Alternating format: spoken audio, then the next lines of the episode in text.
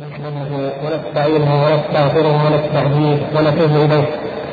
ونعوذ بالله من شرور أنفسنا ومن سيئات أعمالنا. من يهد الله فلا مضل له ومن يضلل فلا هادي له. وأشهد أن لا إله إلا الله وحده لا شريك له وأشهد أن محمدا عبده ورسوله. اللهم علمنا ما ينفعنا وانفعنا بما علمتنا وزدنا من كرمك وإحسانك يا أرحم الراحمين. أيها الأخوة الكرام السلام عليكم ورحمة الله وبركاته. وبعد فما زلنا في مبحث الرؤيا. كما مر معنا في الحلقة الماضية استعرضنا الأدلة من الأحاديث بعد أن كنا قد استعرضنا الأدلة من الآيات على إثبات رؤية الله تبارك وتعالى والرد على الفرق المخالفة في ذلك. ووقف بنا الأمر عند الكلام على علاقة موضوع الرؤية بما يسمى الجهة الذي اختلفت فيه الفرق كما سنشرحه إن شاء الله تبارك وتعالى. فنقرأه إن شاء الله ونشرحه ولهذا قسم المعتزلة أن العلوم بالذات بنفي الرؤية. وقالوا كيف تعقل رؤية بلا مقابلة بغير جهة وإنما نظره في الدنيا بعجز أبصارنا لا بامتناع الرؤية فهذه الشمس إذا حدق الرأي البصر من شعاعها ضعف رؤيتها لا لامتناع في ذات المرئي بل لعجز الرأي. فإذا كان في الدار الآخرة أكمل الله قوى الآدميين حتى أخافوا رؤيته. ولهذا لما تجلى الله للجبل خر موسى صاعقا فلما أفاق قال سبحانك تبت إليك وأنا أول المؤمنين بأنه لا يراك حي إلا مات ولا يابس إلا تنبه ولهذا كان البشر يعجزون عن رؤية الملك في صورته إلا من أيده الله كما أيد نبينا قال تعالى وقالوا لولا أنزل عليه ملك ولو أنزلنا ملكا لقضي الأمر قال غير السلف لا يطيقون أن يروا أن الملك في صورته. فلو أنزلنا عليهم ملكا لجعلناه في صورة بشر وحينئذ يشتبه عليهم هل هو بشر أو ملك. ومن تمام نعمة الله علينا أن بعث فينا رسولا منا. وما ألزمه المعتزلة هذا الإنسان إلا لما وافقوه على أنه لا داخل العالم ولا خارجه. لا داخله لا داخل العالم ولا خارجه لكن قول من اثبت موجودا يرى من جهه اقرب إلى العقول من قول من اثبت وجودا قائما بنفسه لا يرى ولا في جهه ويقال لمن قال بنفس رؤية الانتفاء لازمنا وهو الجهه أتريد بالجهة أمرا وجوديا أو أمرا عدميا فإن أراد بها أمرا وجوديا كان التقرير كل ما ليس في شيء موجود لا يرى. وهذه المقدمة ممنوعة. ولا دليل على إثباتها بل هي باطلة. فإن سطح العالم يمكن أن يرى وليس العالم في عالم آخر. وإذا أردت بالجهاد أمرا عالميا فالمقدمة الثانية ممنوعة. فلا نسلم أنه ليس في جهة بهذا الاعتبار وكيف يتكلم في اصول الدين من لا يتلقاه من الكتاب والسنة؟ وإنما يتلقاه من قول فلان.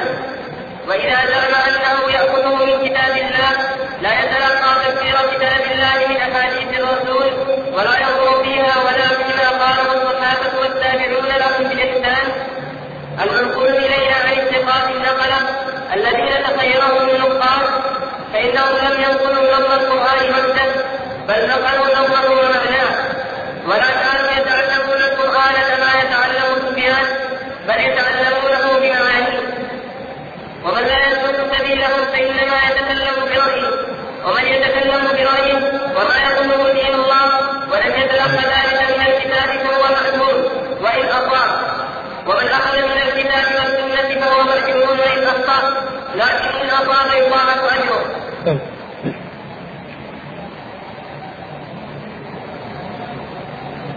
موضوع إثبات الرؤية. له علاقة كما ترون في نفس الأحاديث التي تثبت ذلك. بموضوع إثبات علوم الله تبارك وتعالى. فلما ذكر الشارح رحمه الله الحديث قول النبي صلى الله عليه وسلم إنكم سترون ربكم كما ترون هذا في حديث الحديث المتفق عليه الذي فيه الشمس وفيه القمر وفي بعض الروايات فيه الشمس والقمر معا.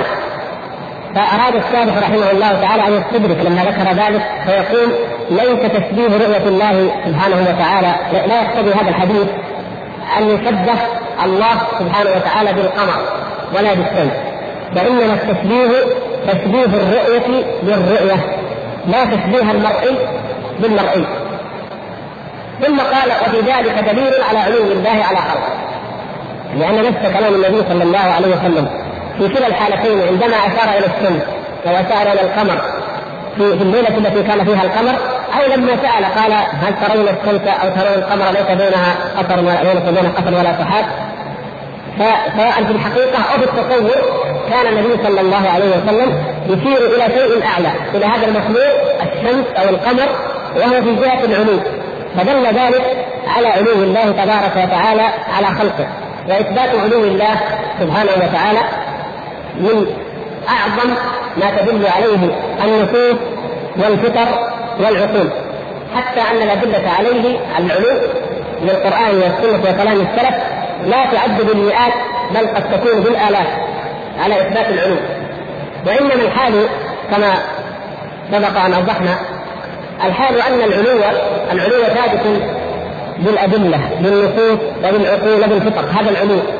وأما الاستواء فهو الذي ثابت بالنص.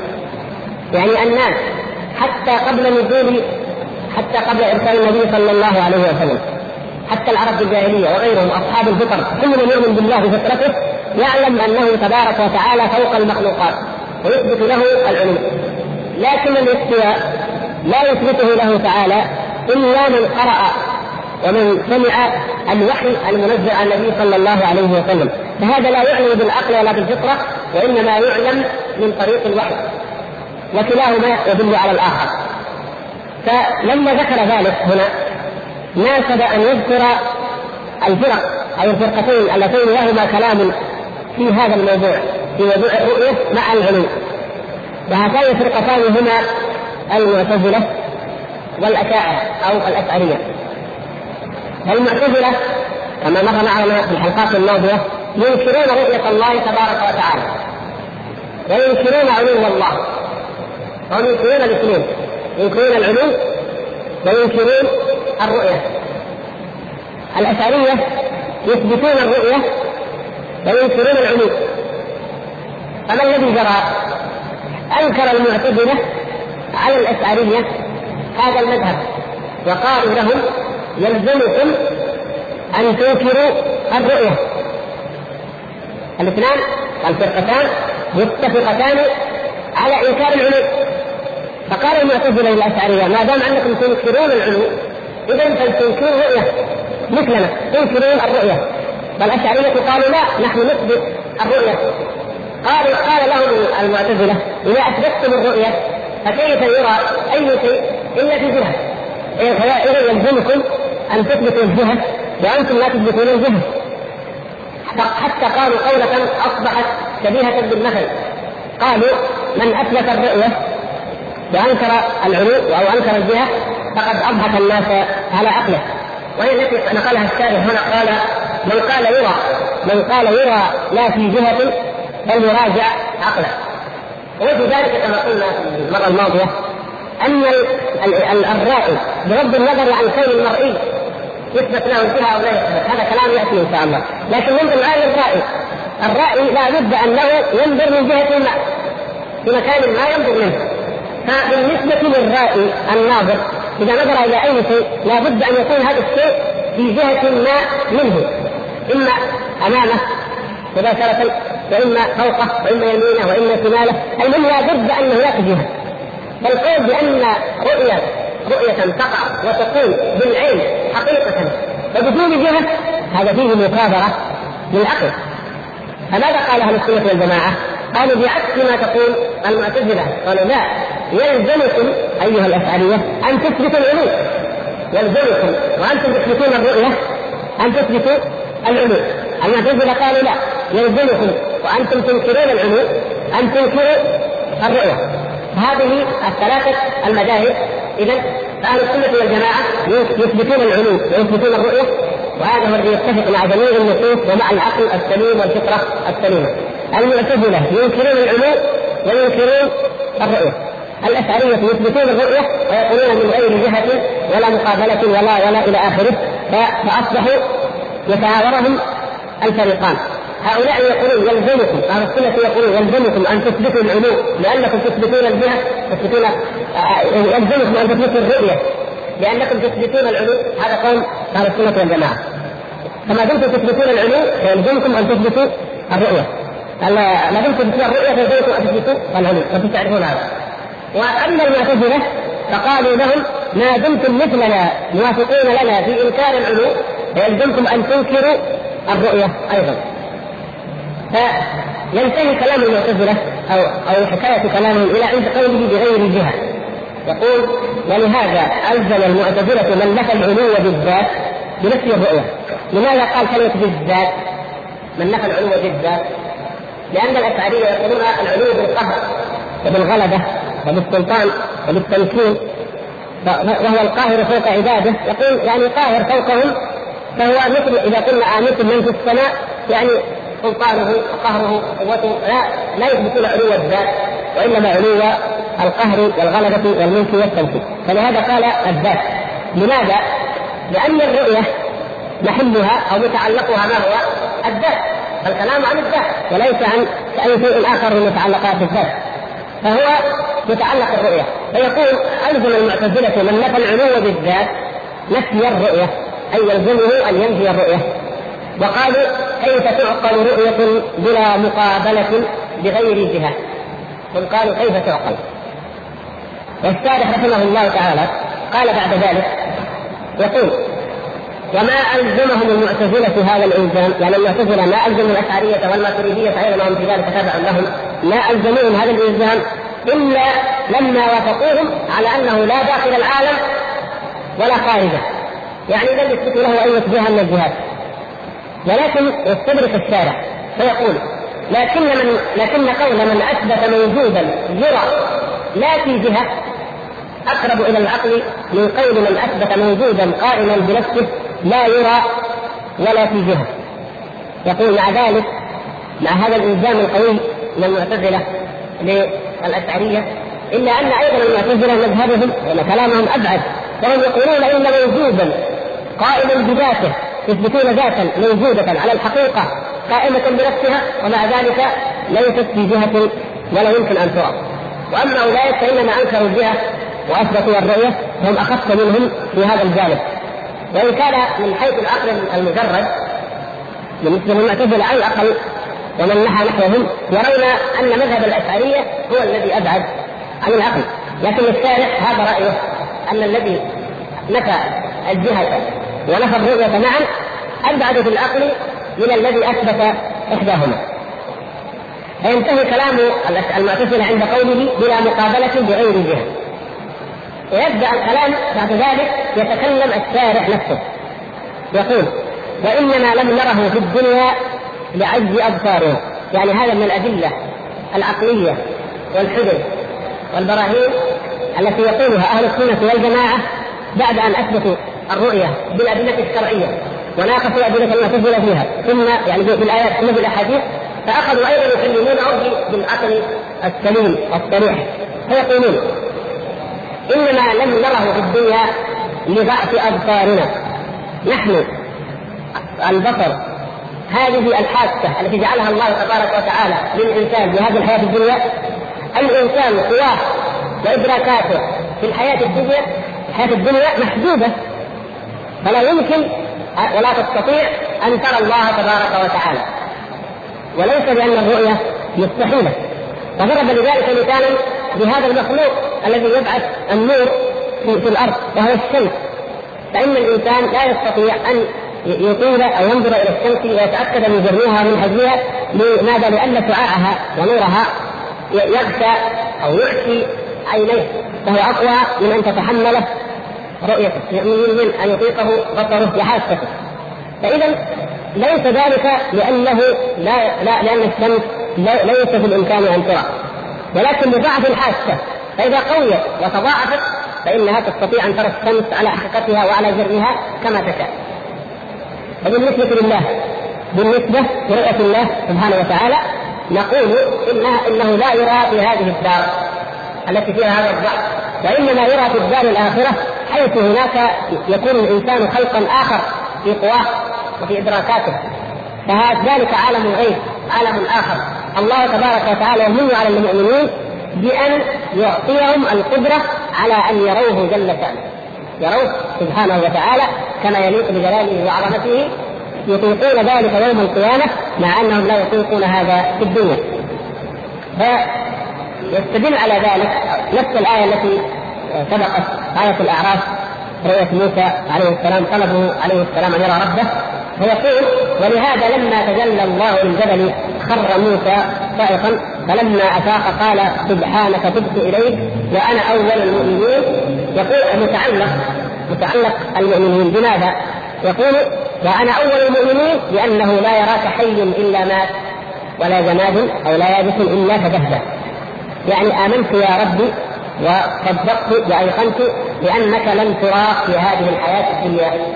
وأنه ما يراك حي إلا صائق ومات ولا يراك لا تتجلى لجانب أو ليابس والجبل على عظمه لما حصل له التجلي فإنه تدهده وتحول إلى حطام وهذا لعجز الإنسان ولعجز غيره حتى البنات في هذه الحياة الدنيا عن تجلي الرب سبحانه وتعالى له.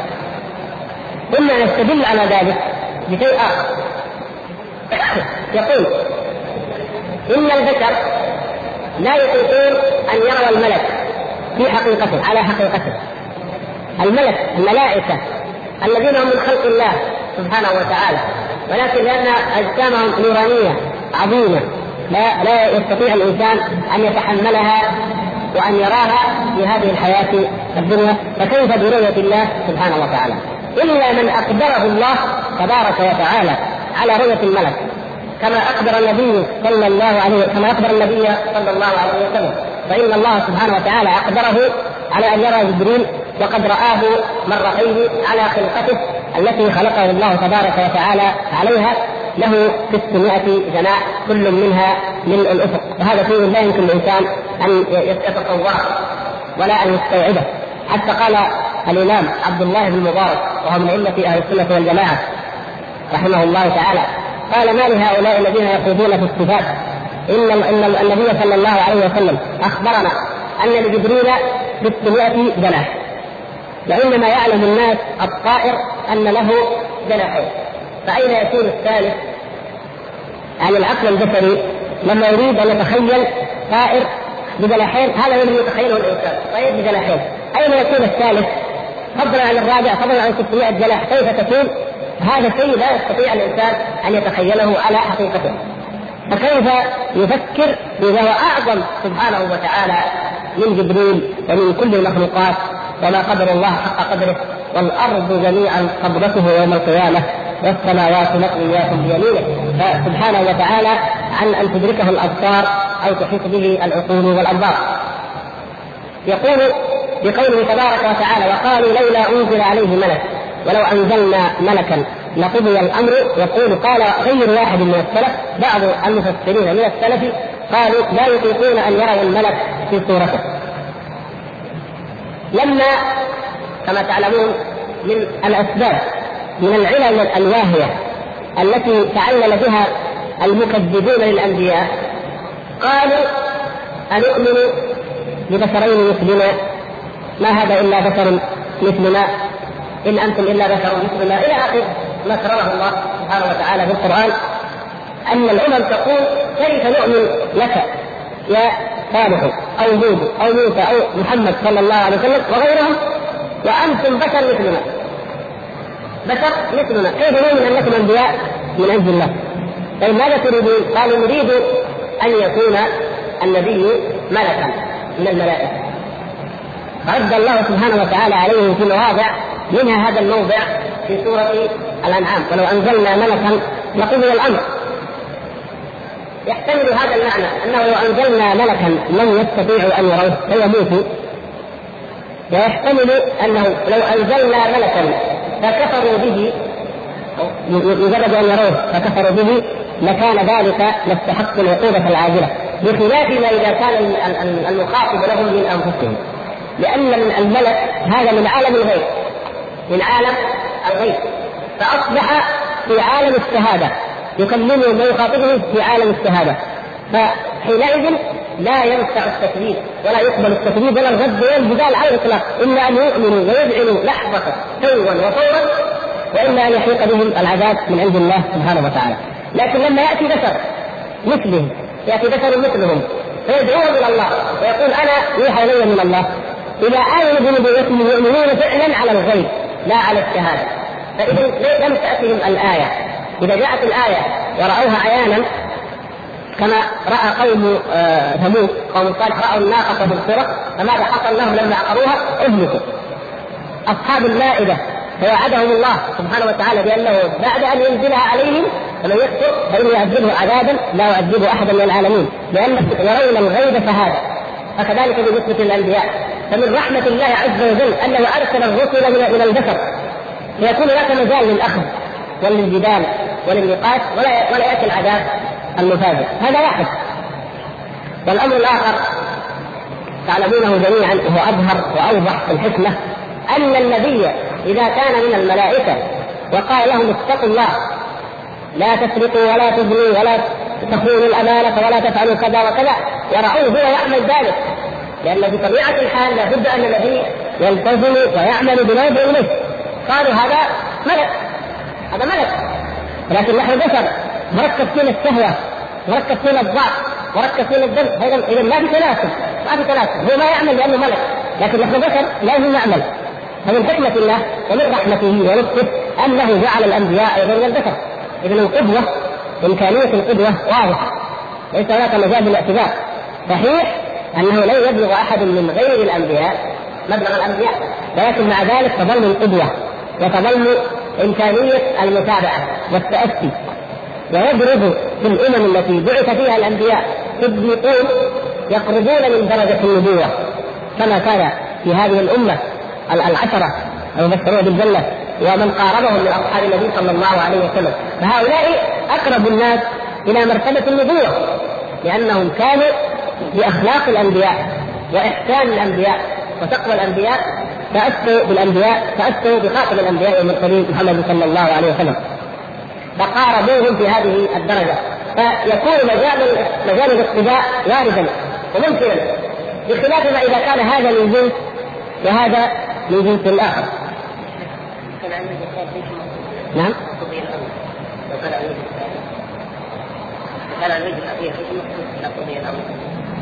لقضي الأمر. قلنا إما أن يكون لقضي الأمر. يعني تموتون بمجرد يموتون بمجرد أن يروا الملك لأنهم لا يستطيعون أن يروه. أو لقضي الأمر بمعنى أن الحجة تقوم عليهم بمجرد أن يأتي الملك فيأتيهم العذاب من عند الله. لأنه إذا جاءت الايه إذا جاءت الآية من عالم الغيب فلم يكن ينفعهم إيمانهم لما رأوا بأسنا. فإذا جاء وعد الله سبحانه وتعالى وجاءت الآية من العلم ومن عالم الغيب وأصبحت في عالم الشهادة لم يبقى هناك مجال للتردد ولا للتفكر ولا للمجادلة. هذا هو. لكن إذا كان النبي يكلمهم فإنهم يمكن أن يجادلوه ويصبر على جدالهم السنوات وراء السنوات حتى يؤمن به من يؤمن ويكفر من يكفر. بخلاف إذا رأوا آية معجزة واضحة وهو أنه ملك منزل من السماء يخاطبهم ويدعوه إلى الله ثم يكفرون به لا مجال هنا للجدال ولا للانتظار ولا للتردد إما أن يؤمنوا وإما أن يقضى الأمر وهؤلاء قد كفروا اذا فلو أنزلنا ملكا ولو أنزلنا ملكا لقضي الأمر لكان العقوبة العاجل فإن يعني قضيان الأمر أو انتظار الأمر يكون بماذا؟ إلا لأنهم لا يطيقون رؤيته كما هو الوجه الذي هنا. وهذا لا يستغرب. من الحيوان المخلوق من لا يستطيع الإنسان رؤيته فضلا عن الملك. يعني الإنسان قدرته ونظره محدود وهذا ما يناسب موضوع الرؤية هنا. حتى قال ابن قتيبة رحمه الله قال إن من الحيات نوع يموت الإنسان بمجرد أن يراه. نوع من الحيات مفزع مخيف وفي عينيه يعني شعاع خاص بمجرد أن يراه الإنسان يموت من الخوف من عدم تحمل رؤية هذا الحيوان. فيكون قضي الأمر يقضى الأمر بهذا الأمر. اما بأنهم لا يستطيعون رؤيته واما بأن تعجل لهم العقوبة ولا يمكنون من الجبال كما فعل النبي صلى الله عليه وسلم. ثلاث عشرة عاما في مكة ثم في المدينة. وفي السنة الثامنة يدخل أغلب قريش بدين الله سبحانه وتعالى. فلو كان الأمر لو كان ملكا إما أن يؤمنوا حالا ويحول وإما أن تنزل عليهم العقوبة. ثم يعود السياق إلى الرؤية علاقة الرؤية بالعلو. فيقول ويقال لمن قال بنفي الرؤية لانتفاء لازمها وهو الجهة. من هذا الذين يقولون ذلك؟ الذين يقولون بنفي الرؤية لانتفاء وهو الجهة طب المعتزلة يقولون لا لا نثبت الرؤية لأنه يلزم منها الجهة. الحل أن ننفي الجهة وننفي الرؤية. يقال لهم أتريد بالجهة أمرا وجوديا أم أمرا عدميا؟ لاحظوا يا إخوان أن نحن الآن نشرح في الفقرة رقم 38 في الفقرة الخامسة والأربعين تأتي إن شاء الله يعني صفحة 184 على طبعة الأرناؤوط ما أدري كم توافق في غيرها يأتي موضوع الرؤية الجهة عفوا. كم تطلع عندك يا محمد؟ قوله وتعالى نعم 218 وتعالى عن الحدود أيوه 218 فما بعد. يأتي تفصيل لهذا الموضوع. لكن المقصود هنا فقط مناظرتهم من حيث إثبات الزرع من حيث إثبات الرؤية. فنقول ما المقصود بالجهة؟ الجهة. ما هو المقصود بها؟ إما أن أن تكون امرا وجوديا امرا وجوديا. مفهوم الرزق معنى وجودي؟ يعني شيء موجود شيء موجود اسمه الجهة. حيز حيز معين. يقال له الجهة. من ضمن الموجود في هذا الكون. فهذه هذا شيء. واما أن تكون الجهة أمر عدمي يعني شيء نسبي إضافي.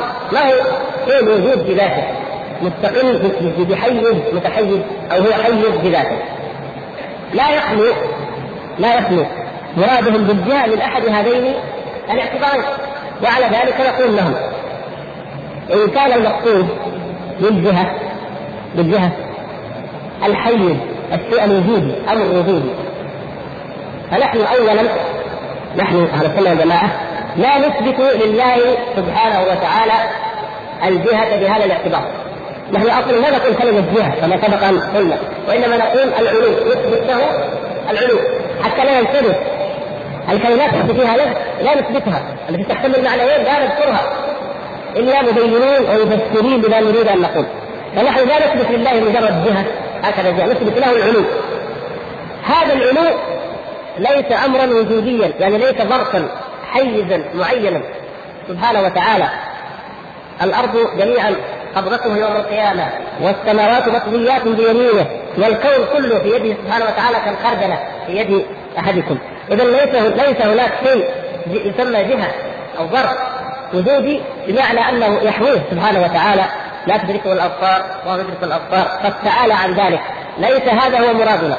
فلا حجة علينا تقولون إنكم تثبتون الجهة.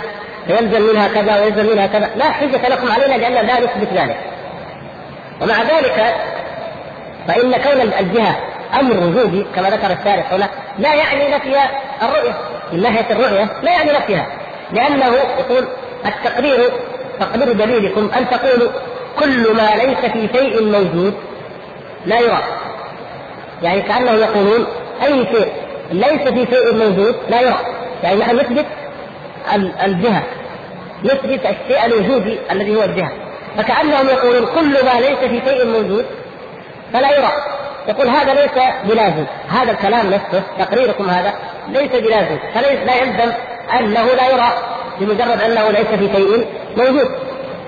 ويستدل على ذلك بقوله ان سطح العالم يمكن أن يرى وليس العالم في عالم آخر. يعني العالم هو في نفس ذات العالم طبعا وسطحه سطح العالم يمكن أن يرى فهو ليس في شيء آخر بل هو ذاته نفسه يمكن أن يرى. يعني على كل حال هذا الكلام لا ضرورة إلى لكن مجرد أن يعلم فقط أو أن يوضح بقدر ما يستطيع فهذا يسمى أن الجهة أمر وجودي. وأما إذا قلنا إن الجهة أمر عدمي أمر اعتباري هذا هو الذي يقول أهل السنة والجماعة. فيقولون إن الجهة أمر اعتباري وليس امرا وجوديا النملة إذا كانت تسير في هذا السقف أين العلو بالنسبة لها؟ العلو أين هو؟ يعني لو كان نمل نمل يعيشون أو عناكب تعيش في السقف هذا. والبيت موجود جوا. والحب كل شيء يعني حياتها فوق. في حيوان يعيش كثير من الحيوانات حشرات فوق. العلو بالنسبة لها اين؟ نحن يعني هذا. لكن نحن العلو بالنسبة لنا فوق بالعكس إذا. فإذا القضية الجهة لما نقول العلو أمر إيش؟ هل هي أمر وجودي حقيقي ولا أمر نسبي اعتباري اعتباطي؟ فبالنسبة للنملة نحن أكثر. لكن نحن نقول لا نحن الذين هنا هذا هو الفوق هذا هو ونشير إلى النملة. ولكن النملة فوق بالنسبة له ما اسفل وهكذا. يعني قضية نسبية اعتبارية. الذي يجلس على يمينك. يقول محمد على يمينه محمد مثلا أنت تقول محمد على يمينه الأخ مثلا يقول أخ محمد عبد الله على يمينه لكن عبد الله ماذا يقول؟ يقول الأخ فلان علي أو محمد على يساره طيب ليش كذا؟ لأن الجهة ما هي شيء موجود. ما في حاجة موجودة اسمها الشمال. ما في حاجة موجودة محدودة اسمها اليمين. ما في حاجة محدودة اسمها فوق ولا اسمها تحت. كلها أمور اعتبارية نسبية. فهذا يمين بالنسبة لهذا وهذا يسار بالنسبة لهذا وهذا فوق بالنسبة لهذا وهذا فوق بالنسبة لهذا أو تحت وهكذا فإذا عرفنا بهذا أنه ليس هناك لا يلزم من قولهم لا يلزم أهل السنة والجماعة من إثبات أن الله تعالى فوق المخلوقات وإثبات العلو له سبحانه وتعالى أن يكون محصورا أو محدودا في حيز وجودي يسمى الجهة. لا. ولكن بالنسبة للمخلوقات هو أعلى منها سبحانه وتعالى. فقط بالنسبة للمخلوقات. أما الجهة بذاتها ليست شيء وجودي مادي محسوس خارجي. ومن هنا فإنه سبحانه وتعالى يرى قولكم بأنه يلزم من إثبات الرؤية إثبات الجهة لا معنى له. ما دام قلنا أن الجهة أمر نسبي اعتباري فإذا يرى. الله سبحانه وتعالى يرى أو تجوز رؤيته. هذا طبعا بالأدلة العقلية ولقد أثبتنا ذلك بالأدلة الشرعية لكن نتكلم معهم الآن بالأدلة العقلية وننقض أدلتهم العقلية. فالمخلوق الرائي لا بد أنه في جهة. فباعتبار المخلوق باعتبار المخلوق الرائي الناظر لابد أن يرى شيئا في جهة ما. ففي أي جهة يرى الله سبحانه وتعالى يوم القيامة؟ وهي الجهة التي يدعى في الدنيا فيها؟ نقول في جهة العلو يعني بالنسبة للإنسان. لا بالنسبة لكونه سبحانه وتعالى تحده أو يحيط به شيء وجودي معين اسمه الجهة بمعنى أنه سبحانه وتعالى كما يقولون مثل المخلوقات التي تكون في حيز تعالى الله عن ذلك علوا كبيرا. فتجدون أيها الإخوة أننا نضطر يعني الشارح هنا أو شيخ الإسلام ابن تيمية أو غيره من علماء أهل السنة يعني نضطر إلى أن نأتي بهذه الأدلة وهذه الأمثلة العقلية لنبين فساد أقوالهم بالعقل والنقل. لا لأننا نحتاج إلى أن نقرر ونثبت صفات الله سبحانه وتعالى بهذه الطرق.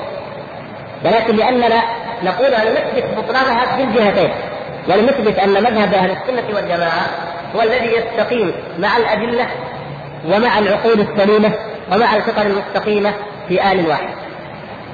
ومن هنا أخذ الشارح رحمه الله يعقب على هذا فيقول وكيف يتكلم في أصول الدين من لا يتلقاه من الكتاب والسنة؟ نعم. كيف يتكلم في أصول الدين من لا يتلقاه من الكتاب والسنة؟ أساس الخلاف والإشكال أساس ظهور الفرق أيها الإخوة ظهور الفرق وخروجها أساسه عدم التلقي وعدم الأخذ من الكتاب ومن السنة. هؤلاء قالوا ناخذ بالعقل مثل المعتزلة الأشعرية الماتريدية. الآخرون قالوا ناخذ بالكشف الكشف الذوق. الوجد أو الوجدان هذا أمر كشف لنا في المنام أو ألقي في قلوبنا. هكذا مثل الصوفية ومن نحوهم. الباطنية والروافض. قالوا لا لا من العقل ولا من الكتاب والسنة ولا من الكشف قالوا كيف؟ قالوا عن طريق الإمام المعصوم. وهذا الإمام المعصوم إما أنه بالنسبة للرافضة الذي في استرداد ومعه العلم الباطل العلم الذي في استرداد وهذا ناخذ العلم علم ناخذه عن طريق عن طريق من؟ النواب أو الحجاج الذين هم جعلهم نوابا وحجابا له ولهذا من أدلة الروافض من تلقي الروافض من منهجهم في التلقي لأنهم لا يأخذون من كتاب الله ولا من صحيح البخاري ولا من صحيح مسلم وهم ينكرون الرؤية وينكرون هذا الذي الصفات. من مذهبهم في التلقي الرقاع يتلقون من الرقاع. كيف الرقاع؟ ينامون وفي الصباح يذهبون إلى شجرة من الشجر يجد فيها رقاع. هذه الرقعه تقول اعملوا كذا نفذوا كذا. فيقولون إن الإمام المعصوم يعني أو ألقى ذلك واوحى به إلى بعض النواب ويكتبون هذه الرقاع ويلقونها فيتلقى يتلقى الأتباع منها العلم وينفذونه ولهذا حدث انه مره أحد اليهود كان يكتب لهم رقاع ويقرؤونها. فكتب مرة من المرات استوصوا بفلان اليهودي خيرا. وضعها في رقعة في شجرة. فلما قرأها الرافضه في اليوم الثاني ملأوا بيت ذلك اليهودي من الذهب والفضة وفرحوا به. لأنه يجد رقعا من العلم من الامام المعصوم المحجوب أنه يستوصي بهذا اليهودي خيرا. وهكذا. يعني هذا هكذا يبدو سقط العقول الله عز وجل يعطينا المصدر الكتاب والسنة الصحيحة ونعدل عنها إلى امثال هذه الثواب. وكذلك هؤلاء الصوفية وأمثالهم كما ذكر الشيخ رحمه الله هنا الشارع يظنون هؤلاء جميعا أن الصحابة إنما كانوا يتلقون القرآن كما يتلقى الأطفال الصبيان يحفظون الفاظا لا معنى لها.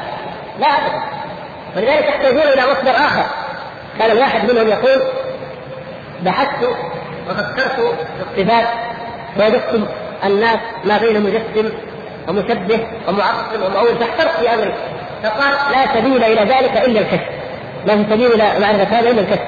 فيتعبد ويذكر وينام لعله يرى رؤيا في المنام أو يلقى في قلبه أنك اثبت الاستواء أو أنف العلو أو ما أشبه ذلك. لأنه يقول ما في مصدر. الاحكام في المصادر الموجودة ما بقي إلا الكشف. حتى أن أبا حامد الغزالي في الإحياء في كتاب قواعد العقائد وهو أحد الكتب كتب إحياء علوم الدين رجح طريق الكشف. يقول الإنسان يحتار بين أهل التأويل وبين أهل الترتيب. والطريق الصحيح معرفة ما يؤول وما لا يؤول قال لا يدرك إلا بالكشف. طيب سبحان الله. واحد انكشف له إثبات أشياء لم تجد لا في الكتاب ولا في السنة. واحد ما انكشف له إلا ثلاث صفات أو صفتين. خلاص؟ كيف كيف يكون ذلك؟ كيف نعبد الله سبحانه وتعالى اذا أو أن الله تعالى يقبل هذه الأديان المتعددة. يرد الشارع رحمه الله على هؤلاء جميعا فيقول كيف يتكلم في اصول الدين من لا يتلقاه من الكتاب والسنة؟ وإنما يتلقاه من قول فلان. وإذا زعم أنه يأخذه من كتاب الله لا يتلقى تفسير كتاب الله من أحاديث الرسول صلى الله عليه وسلم. ولا ينظر فيها ولا فيما قاله الصحابة والتابعون لهم بإحسان المنقول إلينا عن الثقات النقلة الذين تخيرهم النقاد. نعم الذين لا يأخذون الدين من هذا المصدر فمن أين يأخذونه؟ إما أن لا يأخذون من القرآن ولا من السنة. ولهذا كل واحد منكم بارك الله فيكم جميعا كل واحد منكم ان يسأل أي أي إنسان من المعتزلة أو الأشعرية أو الماتريديه يسأله مواجهة أو إذا قرأ في كتبه في كتاب يسأله هذا السؤال ما الدليل من كتاب الله أو من سنة رسول الله صلى الله عليه وسلم على انه على أن الله سبحانه وتعالى لا داخل العالم ولا خارجه ولا فوقه ولا تحته هات في آية ليش؟ في آية كذا تقول في حديث عن النبي صلى الله عليه وسلم لا يمكن لا يمكن لا يمكن ابدا اذا هذا هذا هو. اذا أنتم لا تأخذون من كتاب الله ولا من سنة رسول الله صلى الله عليه وسلم. وإما أن يأخذوا من القرآن. لاحظوا يا إخوان؟ مسألة دقيقة. مهمة. أخذنا من القرآن ولكن لم نأخذ تفسير كتاب الله عن الصحابة عن النبي صلى الله عليه وسلم وعن أصحابه وعن علماء السلف. وهذا ممكن ان أن تزل فيه الاقدام وتضل فيه الأفهام. لأن مجرد القرآن القرآن ألفاظه كلام حمال وجوه كما قال عبد الله بن مسعود رضي الله تعالى عنه وغيره. القرآن حمال وجوه يحتمل. بعض آياته تحتمل. من المبين؟ أنزلنا إليك الذكر لتبين للناس لتبين النبي صلى الله عليه وسلم لتبين للناس ما نزل إليهم. هو الذي يبين لنا رسول الله صلى الله عليه وسلم. من أعلم الناس بالكتاب والسنة؟ الذين قرأوه وفهموه وعرفوا معانيه ومعاني السنة؟ أصحاب النبي صلى الله عليه وسلم. ثم العلماء الذين من بعدهم. فما شرحوا به كتاب الله؟ نقول وما لم يشرحوه ما يبينوه لا نبين نجدهم يقولون إن لله سبحانه وتعالى يدين حقيقة صفة من صفاته سبحانه وتعالى. لكن لو قلنا فقط مجرد ألفاظ القرآن لنرى بذلك الممارون على ضعف مماراتهم لكن يقولون مثلا يقولون إن اليد تاتي بمعنى القدرة. تأتي بمعنى النعمة تاتي بمعنى كذا. لكن مع هذه الأقوال مع انهم قد ياتون من شعر العرب ويدل على ذلك لا يستطيع واحد منهم أن يأتي بواحد من الصحابة نفى اليد عن الله سبحانه وتعالى. آه. اذا هذا يكفينا أنتم ابتدعتم شيء ما قاله اذا نحن على ما كان يفهم الصحابة رضي الله تعالى عنهم القرآن. وكذلك العين وكذلك الساق وأمثال ذلك من صفات الله. المسألة في أصلها تعود إلى ماذا؟ إلى التلقي. إما من كتاب الله وسنة رسوله صلى الله عليه وسلم وإما من الفهم لها.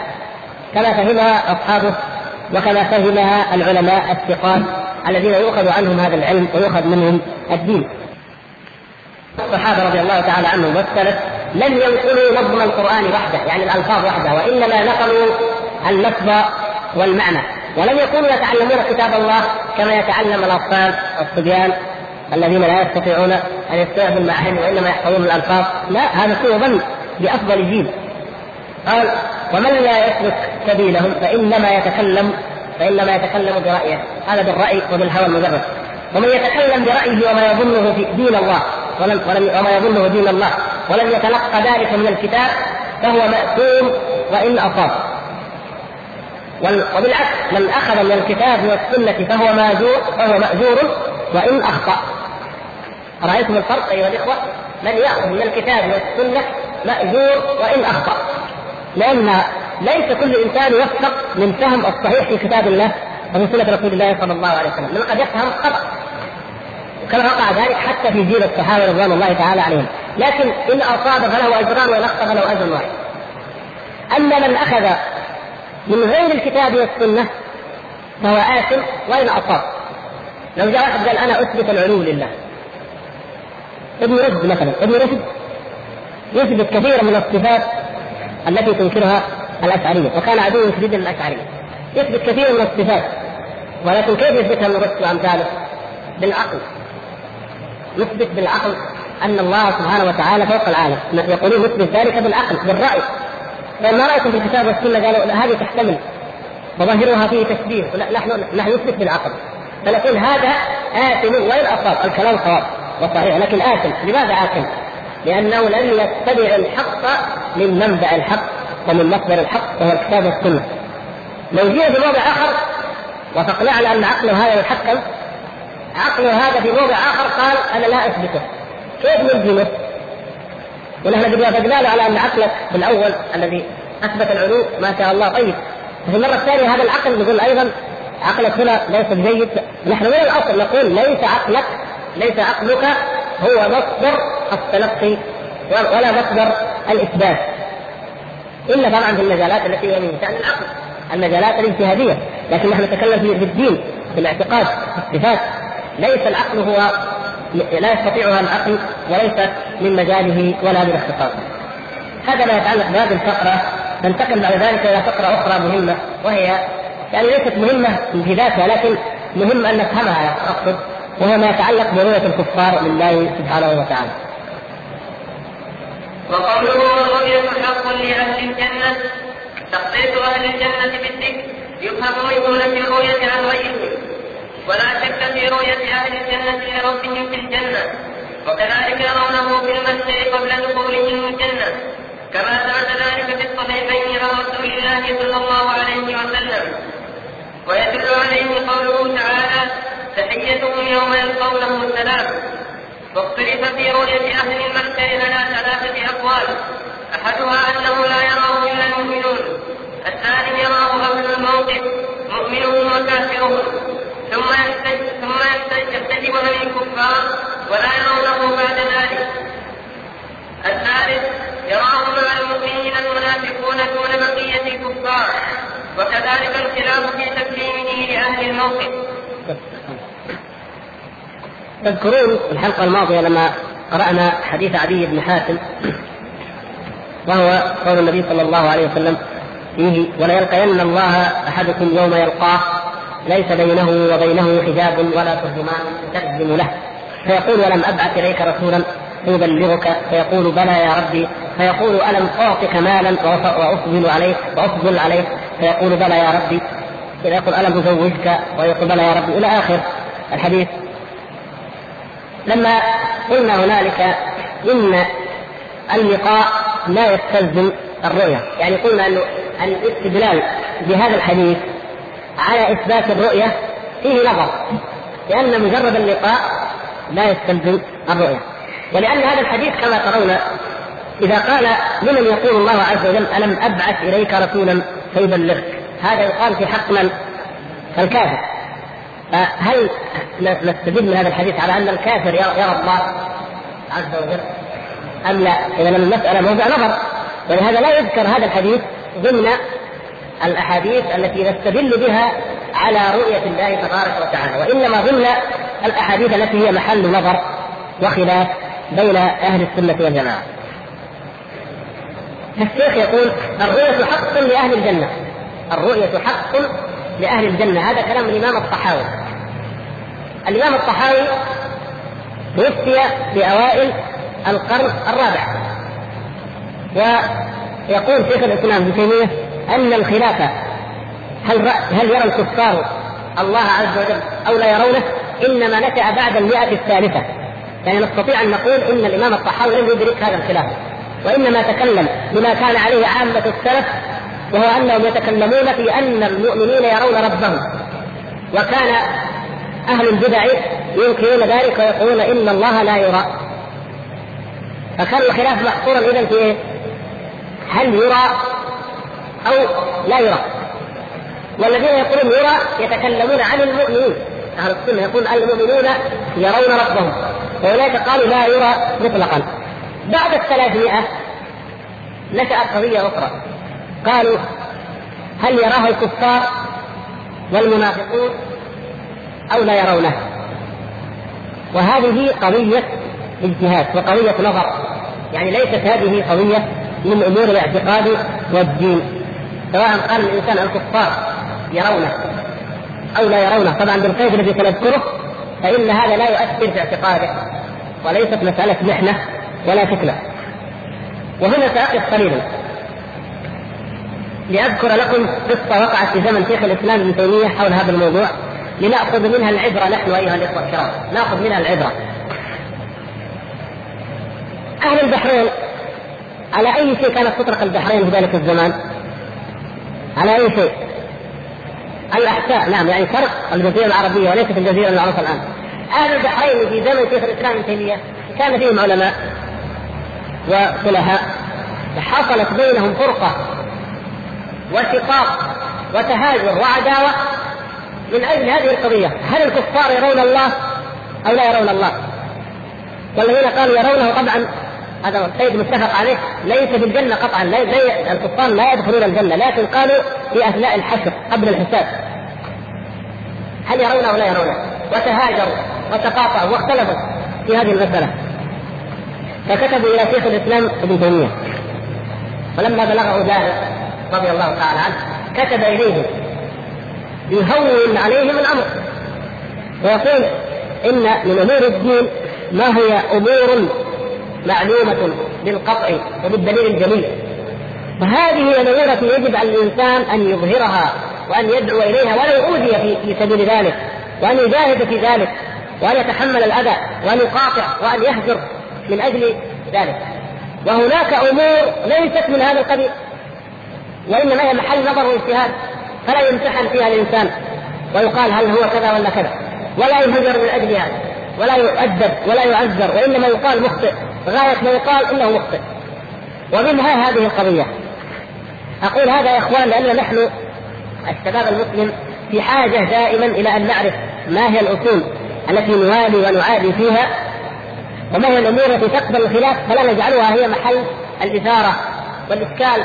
في مسألتنا أو مع العلماء أو في كل مكان. هل هذا هو المخطئ أو هذا هو المصيب؟ هل نضع اليدين قبل الركبتين أو العكس؟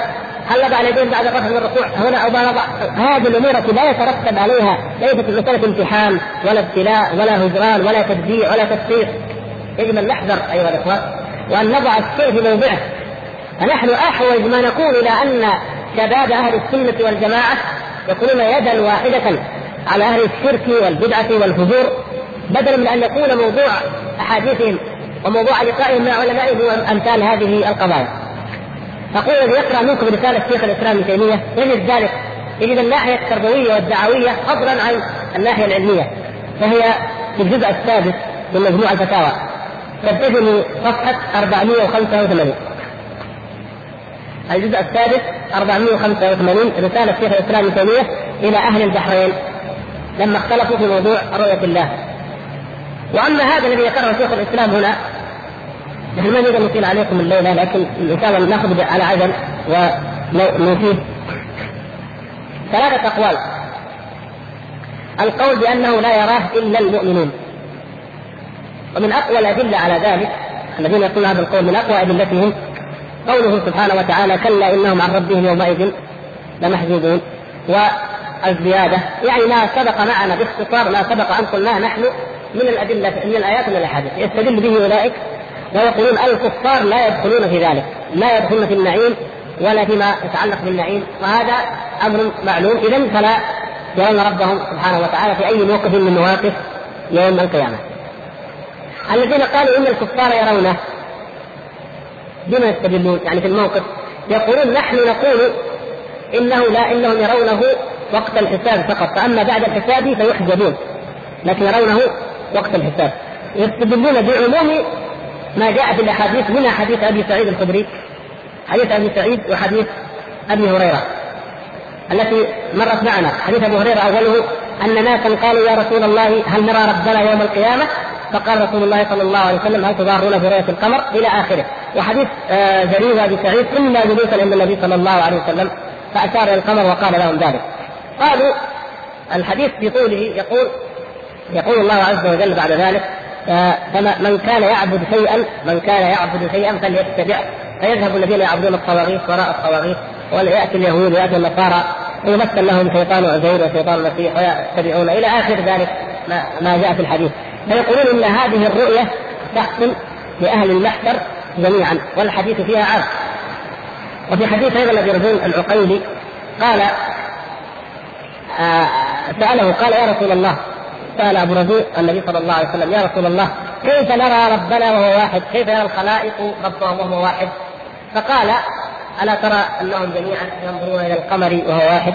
قال بلى فدل عموم هذا الحديث يعني يستدلون بأمثال نفس الأحاديث الرؤيا لكن بعمومها بعمومها وأنها تدل على أنه لا فرق بين المؤمنين وبين الكفار في الرؤية التي قبل الحساب. جاءت فرقة ثالثة فصلت قالت لا إن نفس هذه الأحاديث جاء في بعضها ما يفصل فهو وهو أنه سبحانه وتعالى يأتي الخلائق بصورة غير الصورة التي يعرفون. فيسألهم ويمتحنهم. ثم يذهب أو ينفض الكفار ويذهب كل طائفة كل فرقة من الكفار مع طاغوتها الذي كانت تعبد. فيبقى هذه الأمة وفيها منافقوها. ومعها منافقوها جاء في روايات في الصحيحين فمعها منافقوها أو فيها منافقوها فيتجلى الله سبحانه وتعالى فإذا رأوه خروا سجدا المؤمنون يسجدون والمنافقون يكون ظهورهم كالخشبة فلا يسجدون فهذا دليل على أن المنافقين يرون الله والكفار لا يرون الله سبحانه وتعالى. والكلام كما قال شيخ الإسلام ابن تيمية وكما أشار الشارحون الأمر فيه هين الأمر فيها هين ولله الحمد وذلك بأن يقال العلماء جميعا متفقون أهل السنة جميعا متفقون على أن رؤية الإنعام والتكريم والتلذذ لا تكون إلا للمؤمنين في الجنه هذا أمر معلوم وقطعي متفق عليه. فبقي اذا مسألة الرؤية الرؤية أثناء الحساب وأثناء العرض. إن وقعت للكفار فليست تكريما ولا تنعما. وانما هي إقامة للحجه وإن لم تقع لهم فهي أيضا من ضمن العقوبة. هذه يعني هذا ما ما نخرج من الخلاف. حتى أن شيخ الإسلام في آخر الرسالة هذه قال إن الوقت لا لا يتسع للترجيح فيها ولكن ليست بذات الأهمية التي لابد أن نرجح فيها. نحن يكفينا ذلك يكفينا هذا وهو أن نعلم أنه إن ثبتت الرؤية للكفار في حال الحساب وما قبله فهي ليست رؤية التنعم والتلذذ والإكرام وإنما هي رؤيه رؤية لإقامة الحجة وللمحاسبة وللعقوبة. وأما التي بالإجماع لا ينالها الكفار ولا المنافقون وإنما هي للمؤمنين فهي الرؤية التي هي للنعيم وهي رؤية المؤمنين ربهم في الجنة. هذه هي الرؤية التي تنظر الوجوه وهذه هي الزيادة التي يعطيها الله سبحانه وتعالى أهل الجنة ويحسن بها إليهم فوق احسانه إليهم بإدخالهم الجنة. هذا ما يقتضيه المقام هنا ولأن أكثركم تقبل الله منكم آه، أو كثيرا منكم صائمين فنتوقف الآن حتى نتيح لهم الفرصة إن شاء الله للإفطار والوضوء من اراد ذلك ثم بعد الصلاة إن شاء الله تعالى